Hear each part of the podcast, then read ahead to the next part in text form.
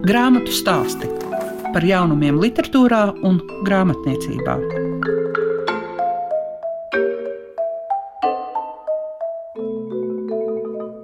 Arī 2021. gadā programmā Klasika savu skanējumu piedāvā grāmatu stāsti un visu labu atrast sevi interesantās grāmatās novēl arī raidījuma veidotāja Liega Piešiņa. Orientēties tajā, kas mums ir visapkārt, reizēm ir arī pietiekami sarežģīti. Pieņemiet tos akcentus un vēlmi, kuru redzu, sajūtu es. Un šīs dienas raidījumā būs divi stāsti. Viens par kādu jaunumu grāmatu, kas stāsta par Valentīnu Lasmani. Nakts jau nav tikai gulēšana, un to ir veidojis Gaitis Grūtups. Otra ir 2020. gada top grāmatu vidū, vismaz man, tā ir Marijanas Lekijas, ko var redzēt no šejienes. Par šo grāmatu es varu teikt, ka tā ir tāda, kuru gribas paņemt klēpī kā bērnu un samīļot, tā cieši apskaut, nelaist vaļā, un grāmata, kura ir jālasa netraucēti. Par to stāstīs tās tulkotāja Inga Karlsberga. Grāmatu stāsti programmā Klasika. Grāmatā stāstos šodien runāsim par grāmatu, kuras nosaukums ir Ko var redzēt no šejienes. Marijana Leki ir grāmatas autore, un no vācu valodas to tulkojas Inga Karlsberga. Es gribu vēl pirms sarunas ar Ingu piemetināt, ka Inga jūs esat spējusi pārliecināt, manuprāt, ļoti daudzus, ka vācu literatūra ir ļoti laba. Un, man liekas, gan Samsona ceļojums, gan arī vientulības gals, tās ir divas no, manuprāt, jūsu virsotnēm. Bet arī, ko var redzēt, redzēt no šejienes, ir grāmata, kas liek ļoti lēni, ļoti pamatīgi izsāpēt dzīvi. Vai tā arī var teikt? Lēni un pamatīgi, jā, vai izsāpēt šeit ir. Man drīzāk šķiet, ka šī grāmata pat nevis palīdz sāpēt, bet palīdz samierināties ar dzīvi. Caur sāpēm, ko dzīve nes un kas principā piedara pie dzīves, tāpat kā prieki šī grāmata kaut kā to sāpi savieno ar dziļo prieku, kas caur tām sāpēm dzimst. Un, man liekas, ka šī grāmata ir samierināšanas grāmata, grāmata, kas nes atvieglojumu beigu beigās arī caur tām asarām, kas gribi negribi notek pār vaigiem, bet vismaz man arī tulkojot. Un asaras birdinot, tās asaras nesa atvieglojumu, kaut kādu tādu katārsi, pat es teiktu, uz beigām, jo viņa par visām dzīves smagajām, vieglajām lietām runā tik līdzsvaroti, tik labdabīgi, tik rāmi un viedi, es teiktu, kaut gan tur nav nekādu atziņu, tādu viedo klāju, ko varētu izrakstīt piezīmju blociņā un tad nu vadīties dzīvē un citēt citiem un sev pa laikam. Tur it kā nekā tāda nav, ko var izraut un atstāstīt. Viņš ir uzrakstīts. Man ir grūti noformulēt, un īstenībā šīs grāmatas sakrā es pat atturos kaut ko formulēt sev, jo viņa ir tik tāda pati par sevi un tik, manuprāt, pilnīga grāmata. Es gribētu teikt, ka tā grāmata caur ikdienišķu stāstu liek ieraudzīt, liek ieraudzīt cilvēku dažādību, liek ieraudzīt un formulēt sev kas mums patīk un kas mums nepatīk. Kas mums patīk un kas mums nepatīk sevi. Un tas ir īpatnēji, ka darbība notiek it kā mums nezināmā Vācijas nostūrī, Vestervaldē. Viņš, protams, nav identificēts, bet nu, tā ir Vestervalde, tie ir mums nepazīstami cilvēki. Jā, bet ar tiem cilvēkiem mēs īstenībā ieraugām, lieliski ieraugām, nu, es nezinu, vai mums visiem, bet ar mani pilnīgi noteikti tā ir, es ieraugu pati sevi un visus savus tuviniekus. Un es ieraugu to, kas man sevi patīk, kas man sevī nepatīk, kas man tuviniekos patīk un nepatīk. Tieši tā. Viņš kaut kā tik skaidri un tik dzidri to visu parāda. Kā mēs varētu teikt, kas ir no šejienes, jo ko var redzēt no šejienes, šejienu mēs varam katrs iedomāties kaut ko pilnīgi citu. Vācu valodā nosaukums ir Vasman von Hir aus Zīnkan no virsotnes, īstenībā no kalna gala, ko es šeit nosaukumā nevarēju latviskojot ielikt, bet principā tas ir tas, ko mēs varam redzēt no distances, no augšas, jo grāmata arī ir tāds skatījums pāri dzīvē. Tad, kad tu stāvi kalna galā un lēnām bez skriešanas noraugies to, kas notiek tev lejā, lejā pie kājām, pie viena arī debesīs, mežmalā visur. Un man liekas, ka šī grāmata īstenībā ir domāta visas paudzes cilvēkiem, jo šeit jau ir, kā saka, grāmatas varoņi, cits tuvāk, cits nē, bet tādi, kas ir gan gados mazi, izaug, gan arī viedi, tādi, kuriem atliecas pavisam maz. Nu, jā, nu, tas jau laikam jā. ir tas no šejienes, no šejienes tas ir pāri un tas ir skats uz visiem. Interesanti, ka tulkojot, nu, bērns staigā apkārt, un es jau emocionāli brīžam tulkoju, jo tās asaras man birst pār vaigiem, un bērns pienāk un prasa, kas māmu ar tevi ir, jo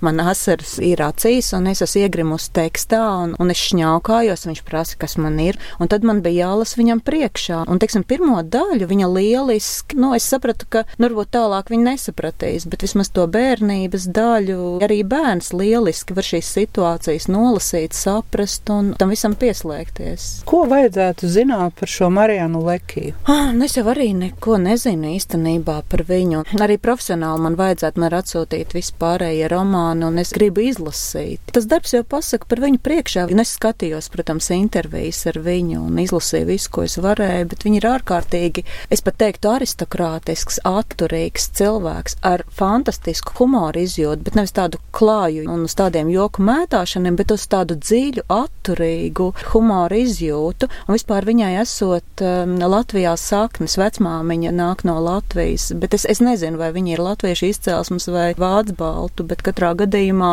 man ir ļoti žēl, ka Covid eh, nojauc mūsu plānus. Mēs bijām aicinājuši viņu uz Latviju ciemos, un tā kā viņai ir latviešu vecmāmiņa, viņa pat arī bija ārkārtīgi ieinteresēta atbraukt un paciemoties pie mums. Tad mēs būtu uzzinājuši vairāk par viņu. Grāmatas ārējo noformējumu ir veidojis Gita Treice, un vajadzētu jau noraksturot. Es domāju, ka viņas darbs ir fantastisks, bet arī šo būtni. Būtnes vāka, tas ir šis savādais, fascinējošais dzīvnieks, okapī Kāpēc tieši kapī? To intervijās Marijanai Lekijai, protams, bieži prasa par šo kapī, un viņa atbild, ka tieši tāpēc, ka tas dzīvnieks ir tik nezināms un tik savāds un tik pārdabiski skaists, salikts it kā no dažādām daļām. Tieši tāpat kā mūsu dzīve, šī dzīves mozaīka, mūsu vietējās sabiedrības mozaīka. Tieši tāpēc Okapija, nu, viņš skatās, nu, tā Gita izdomāja, ka ir jāuzsver tieši šis intīmais, šis ciešais tiešais skatiens,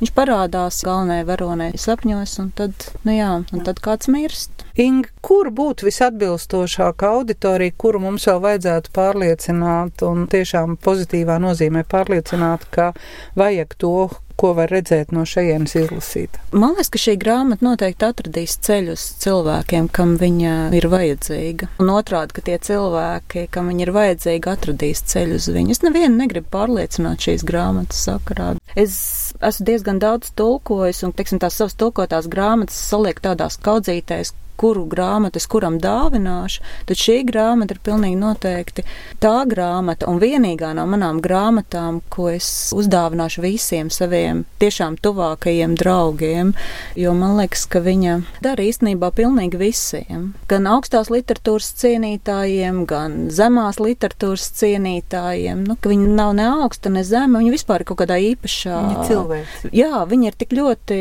tik vispār, tik cilvēcīga, un viņā nav nekā sarežģīta. Un no otras puses, viņa beig beigās, kad tu sēdi izlasījis, viņa ir izrunājusi un pateikusi visu par vissarežģītāko, ļoti, ļoti vienkāršā, ļoti, ļoti, nu, bet nevienkāršotā. Es pat teiktu, ka šī ir manas dzīves. Es esmu daudz un dikti lasījusi un mīlu labu literatūru un sarežģītu literatūru, bet šis ir kaut kas ļoti īpašs un ne tikai kā tulkotājai, bet arī arī kā cilvēkam, kā lasītājam. Šī ir manas dzīves, es teiktu, līdz šim svarīgākā, vistuvākā grāmata, ko es noteikti, nu jā, ko es noteikti ieteiktu visiem, visiem saviem draugiem un gan lasīt mīlošiem. Lasīt mīlošiem cilvēkiem. Grāmatu stāsti programmā Klasika. Gaitas Grūtups nereti piedāvā mums ļoti interesantas tēmas savās grāmatās. Viņam patīk palūkoties gan uz pagātni, gan arī pievērsties nesenai vēsturei. Šīs dienas vēstījums ir par Valentīnu Lasmani. Ir cilvēki, kas nezinās šo cilvēku. Par to var uzzināt apjomīgajā grāmatā Nakts jau nav tikai gulēšana. Jāsaka, kā apgāda Mansards paspārnē var atrast šo grāmatu, ir arī norādes par to, ka tas ir stāsts par ko bezbailīgu. Izlasot šo apjomīgo grāmatu, var iegūt ļoti daudz dažādu informāciju par vēsturē maz pieminētu un noklusētu tēmu, bet galvenais ir šī fantastiskā, interesantā personība Valentīna Lasmane, kura nodzīvoja vairāk nekā simts gadus un mūža pēdējo posmu dzīvojot Zviedrijā, tomēr vēlējās atrasties tuvu, tuvu Latvijai. Ko mums vajadzētu zināt par Valentīnu Lasmani? Lai uz šo jautājumu vispirms atbild Gaitas Grūtups. Tas ir Latvijas centrālā padome, pretestībniece. Te būtu jāsaka, ka Valentīna bija tajā politiskajā pagrīdes kustībā, kas radās Otrā pasaules kara beigās, kurai bija konkrēts mērķis atjaunot Latvijas valsti. Tie apstākļi neveidojās labvēlīgi tam. Islāna atjaunoja savu valsti 45. gada 17. jūnijā, bet Baltijas valstīm tā tas nebija. Un tāpēc viņa tajā ziņā ir īpaša. Es neesmu saveidojis stāstus. Stāsts jau bija. Valentīnai Lasmējai pašai bija desmit mapes, kuras bija domātas kā dzimtai, kā līdzgaitniekiem, kā līdzdalībniekiem domātājiem, un mēs vienkārši pārlasījām un sabīdījām kopā varbūt tādas šuvītas tādas un kaut ko varbūt kādu faktu vēl pielikām klāt. Tā kā tā biezā grāmata ir pašas Valentīnas Lasmanas darbs. Viņa arī organizēja šo darbu. Tas bija ļoti interesanti, ka viņai bija simts gadu jubileja, panorāmā bija sižets, pie simts gadu jubileja bija Nacionālā biblioteka augšā korē, Skype tilts pāri jūrai, kur Valentīna ir veco ļaužu namā Stokholmā. Bet visā tajā pasākumā vēl ne vārda nav par to, ka pēc dažiem mēnešiem sāks tapt grāmata par Valentīnas Lasmanas dzīvi. Un tur man bija tas gods un prieks un varbūt pat dieva pirksts, ka tā viss sanāca. Ka Valentīna uzticēja savas mapes desmit trim cilvēkiem. Tas bija Māra Zirnīte. Tas ir uh, dzīves stāsts. Tad Aija Priedīte, viņas labi pazīstama valodniece, kas dzīvoja Zviedrijā un Vācijā un pārcēlās atpakaļ uz Latviju. Nu, un trešais es sazvanījāmies, mēs kādas 50 stundas pa telefonu esam norunājuši, un šīs mapītes nonāca Rīgā. Viņas tagad ir. Acīm redzot, laikam, Nacionālajā bibliotekā glabāsies. Un tad tas darbs arī sākās. Kas būtu jāzina par Valentīnu Lasmanu, kas viņa tāda ir? Tad, tad es minēju to centrālo padomi. Dokumenti, kas ir centrālās padomē, viens no svarīgākajiem, tas ir manifests 17. marta 44. gada, kur ir Konstantīns Čakste gan apmēram pusotru simtu to parakstītāju, tie sabiedrības pazīstami cilvēki, kas iestājās pret nacismu, pret padomu impēriju, kas jau nāca virsū un par Latvijas valsti. Skaidri un gaiši nosoda visas represijas, ieskaitot holokaustu, ieskaitot komunistiskās represijas, neganocīdu un pret šo straumu politisko. Bija vislielākais spiediens attiecībā no Čekas, attiecībā no valsts drošības komitejas, jo tie bija cilvēki, kas ar skaidru saprašanu un Valentīnu tajā skaitā. Man bērnībā pat laimīgi gadījās, ka es esmu satiecies ar Latvijas centrālās padomus darbinieku Valdemaru Mežaku, kas bija mans bērnības draugs tēvs, un ko Valentīna labi pazina, kas gādāja tur benzīnu un ventspilī un ņēmās, un vēl vienam poļu pagrīdniekam gādāja biļeti uz Poliju 44. gadā. Un tur ir tādi, no tādi skaisti brīži. Grāmatā ir vēsturisks personis minēts, tā skaitā Krišāns Kariņš, kam Valentīna Lasmana ir latviešu valodas skolotāja. Viņas arī gimnājā 83. un 87. mācību gadā arī Egils Levits, tas arī bija šajā pašā gimnājā. Juris Kronbergs. Tur ir tādi gan cilvēki, gan notikumi, tā kā es citur nebiju tā manījis. Tur bija arī tas lielais prieks, ka tas divu gadu darbs apmēram ar kultūra kapitāla fondu atbalstu. Bet bija domāts, ka es tikai pusgadu strādāšu. Nebija gadījis, ka Valentīna atsūtīs visus savus pierakstus, jo būtībā tikai tad tas darbs sākās. Jo sākumā bija doma, apkoposim tas, kas par viņu rakstīts, un viņa pati papildinās, ka viņa jau smuki atcerās, bet tajā brīdī atnāca tas blāķīts, un tad tikai sākās tas darbs pie īstām. Vai nav tā, ka tā ir tāda ļoti neapzināta mūsu vēstures lapus? Ja pirms kāda laika sprīdža sāk runāt par partizāniem, tad tagad tā ir vēl viena lapus. Man bija gods, piemēram, piedalīties koncertā, veltīts idejai atjaunot Konstantīnam Čakstam pieminiektu Rīgā. Viens no organizatoriem Andris Grūtups arī. Bija. Tas ir pagājis malā. Varbūt tā ideja var izdomāt kādu interesantāku varbūt, izpausmi, bet tomēr esmu par to, ka vajadzētu būt gan piemineklim, gan arī šīm mācībām, varbūt skolā, akcentējot šo nacionālo pretošanas kustību. Žaņas kustas grāmata bija tā, kas mūs ar Valentīnu Lasmanu pirmoreiz saved kopā. Tas bija 12. gadā, bet viņi to neatcerējās. Bet, kad esam paskatījās dienas grāmatā, jā, esam tikušies, un tad bija arī tā uzticība. Vēl interesants moments, ka Valentīna apraksta to laiku Eiropā, kad dzimst Eiropas Savienība. Viņa apceļot tieši 45. gadā Eiropas valsts. Vēl tāds moments, ka viņa nav Latvija. Viņa ir pa pusē Latvija. kā viņa pati to uztvēra un kā viņa kļūst par Latvijas patriotu. Nu, par Latviju, kā viņa pati teica, jo viņa Enzelīna studenti gal galā arī un latviešu valodas skolotāja līdz simt gadu vecumam. Tādi skaisti neatkārtojami dzīves brīži. Nakts nav tikai gulēšana. Tas ir tāds virsraksts, kas varbūt liekas tāds mazliet romantisks un tā, bet tieši tā grāmata man liekas ir iznākusi īstajā laikā. Tagad ir nakts. Daudzās jomās ir nakts, teātrī, mūzikā, koncerti, daudzas biznesa sfēras ir ļoti apgrūtinātas. Bet nakts nav tikai gulēšana. Valentīna atnāk un pasaka. Pastāsti par to laiku, kas ir šeit grāmatā visvairāk pieminētais. Tas ārkārtīgās varonības laiks ir divi mēneši. Tas ir 47. gads, tas ir septembris oktobris, nu, varbūt vēl novembris, kad viņa pati aizbrauca. Ir ekstremāli apstākļi. Kad viņa izglāba ebreju Miķelsonu, iegūst mežā slēpjošā cilvēku uzticību. Dažās minūtēs tas notiek. Viss. Arī organizēt šo kustību pāri uz Zviedriju, bet tā nav bēgļu kustība. Tas ir kaut kas mazliet savādāks nekā to var tagad akcentēt. Tā bija kustība ar mērķi atjaunot Latvijas valsti. Viņa neveda kuru katru pāri un nebija doma, ka aizvedīs vairāk latviešus uz Zviedriju, tas būs labāk. Nē, viņam bija doma aizvest īstos kultūras politiskus darbiniekus, kas tur tajā krastā krastā pacels Latvijas karogu, ko viņam neļāva. Tur bija tā traģēdija, tur bija tas 9. māja depresija. Visiem bija prieks, ka karš beidzies, bet viņi saprata, ka viņu cīņa ir beigusies ar neko. Un ko viņi tagad darīs? Un nonāk slimnīcā, es neminēšu, kurš mācītājs, bet viņš vairs nē, viņš negrib veseļoties. Nekad mūžā vairāk tā, tā attieksme, ja nepārdzīvot kaut ko tādu, ko tie cilvēki ir pārdzīvojuši. Nu, tādā ziņā, ka es gribētu tomēr uzsvērt, ka Valentīna nebija bēgļu kustības dalībniece, bet tā bija kustība ar mērķi atjaunot Latvijas valsti. Kas no tā iznāca? Lai vēsture spriež tiesu, tāpat viņi beidz savu grāmatu grāmatu pār jūri, lai vēstures priekš tiesa. Kā tu savādāk ieraudzīji? Tos vēsturiskos notikumus. Es kaut cik tam biju gatavs. Tomēr es zināju, kas ir Konstants Čakste, arī to pretestības kustību, tāpēc arī gribēju satikt Valentīnu Lasmanu. Kas man tieši bija pašam tāds pārsteidzošākais, ir tas, ka pat varbūt ne tik ļoti es biju iedomājies to, cik ļoti šie cilvēki pārdzīvoja savu atrautību no, no dzimtenes, no, no valsts. Jo tas teksts ir pārsātināts tieši ar šo ubaga sajūtu, kas viņai ir, kad viņi izkāpa Gotlandas salā, kur elektrība deg, kur nav pilsētas aptumšots, bet kur viņi nu, nekādīgi nevar iejusties. Tā pašā laikā viņas draudzene Rūķa